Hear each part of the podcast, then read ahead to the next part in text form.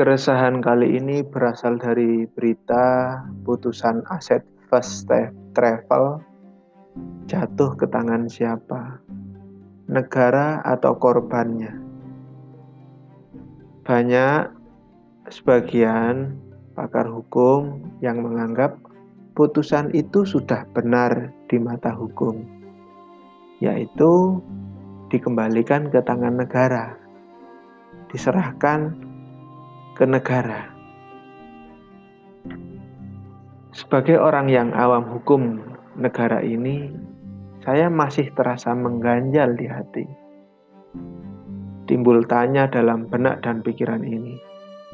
Apakah benar dalam hukum telah sesuai dengan asas keadilan? Apakah benar di sini sesuai dengan kebenaran yang menyeluruh?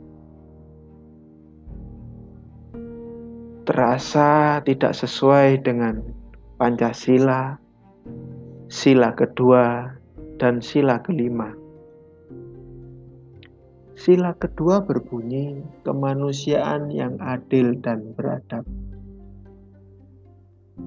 Bukankah aparat hukum, aparatur negara juga manusia di sini? Di mana keadilan dan adabnya? Kemudian dengan sila kelima, keadilan sosial bagi seluruh rakyat Indonesia. Mereka korban travel, bukankah juga rakyat Indonesia? Ke mana keadilan sosial ini? Yang unik dari sila kedua dan kelima ini, adil disebut dua kali apakah benar di, di mata hukum namun tidak adil di hadapan Pancasila, itu sudah kebenaran. Mungkinkah ideologi Pancasila telah kalah dengan hukum dan perundangan di bawahnya? Atau mungkin hukum di negara ini berseberangan dengan Pancasila yang diakui sebagai ideologi? Atau mungkin saya yang salah. Mungkin Pancasila tidak lagi dianggap penting. Mungkin Pancasila tidak lagi dianggap ideologi negara ini. Saya memang bukan pakar hukum, namun sebagai manusia biasa, entah kenapa rasa keadilan, kebenaran terasa tergelitik melihat kasus first travel ini. Mungkin ada yang mencibir, ah mereka para korban itu kan ngaku-ngaku korban saja. Yang berangkat ke tanah suci kan orang-orang berduit. Ah, namun yang saya tahu banyak juga orang-orang yang menabung selama bertahun-tahun, bertahun-tahun sangat lama sedikit demi sedikit uang yang mereka kumpulkan. Karena keimanan dan keyakinan mereka mereka bercita-cita ingin sekali. Ingin sekali sekali saja seumur hidupnya bisa beribadah ke tempat suci. Mungkin bagi teman-teman ah, uang berapa juta mungkin itu uang yang kecil tapi bagi teman-teman yang yang lain itu bukanlah uang yang kecil itu uang yang sangat banyak.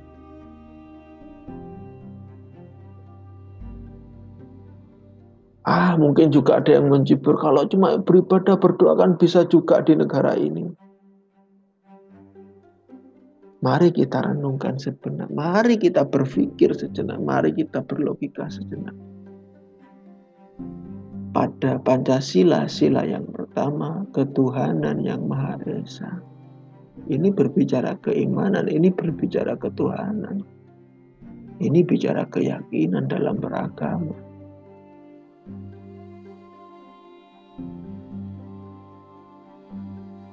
Nah, jika keinginan yang berkaitan dengan keimanan dalam beragama ini disinggung, apakah kemudian tidak bersinggungan dengan Pancasila sila pertama? Entah.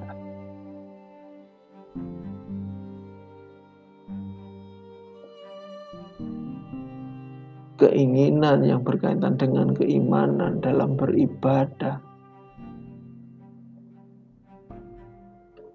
Karena rasa syukurnya kepada Tuhan karena rasa imannya kepada Tuhan janganlah dipandang sebagai suatu peribadatan seremonial belaka yang melibatkan uang, yang melibatkan ketenaran. Ya mungkin itu ada sebagian yang begitu, ada oknum yang begitu. Tapi teman-temanku sekalian, sahabat-sahabatku semua, tidak semua orang seperti itu. Mungkin Anda kurang piknik, jika Anda tetap menganggap bahwa orang yang ke tanah suci hanya orang berduit, Anda kurang gaul. Cobalah Anda cari di pelosok-pelosok. Orang yang tekun beribadah, orang yang bekerja, lalu kemudian menabung, yang bermimpi ingin ke tempat suci, ingin sekali saja meneteskan air matanya di tempat yang dia anggap suci di agamanya.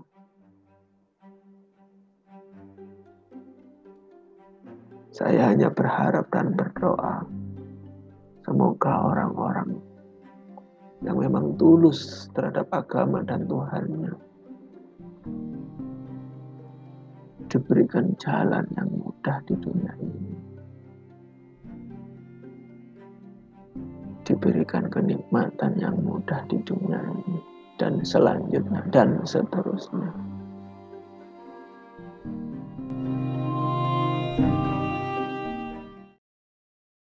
Benar salah Anda yang menimbang bijaksana, setuju tak setuju, semoga damai dan bahagia selalu.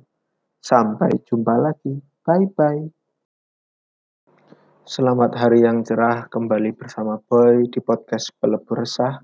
Semoga resah hilang terganti dengan yang indah.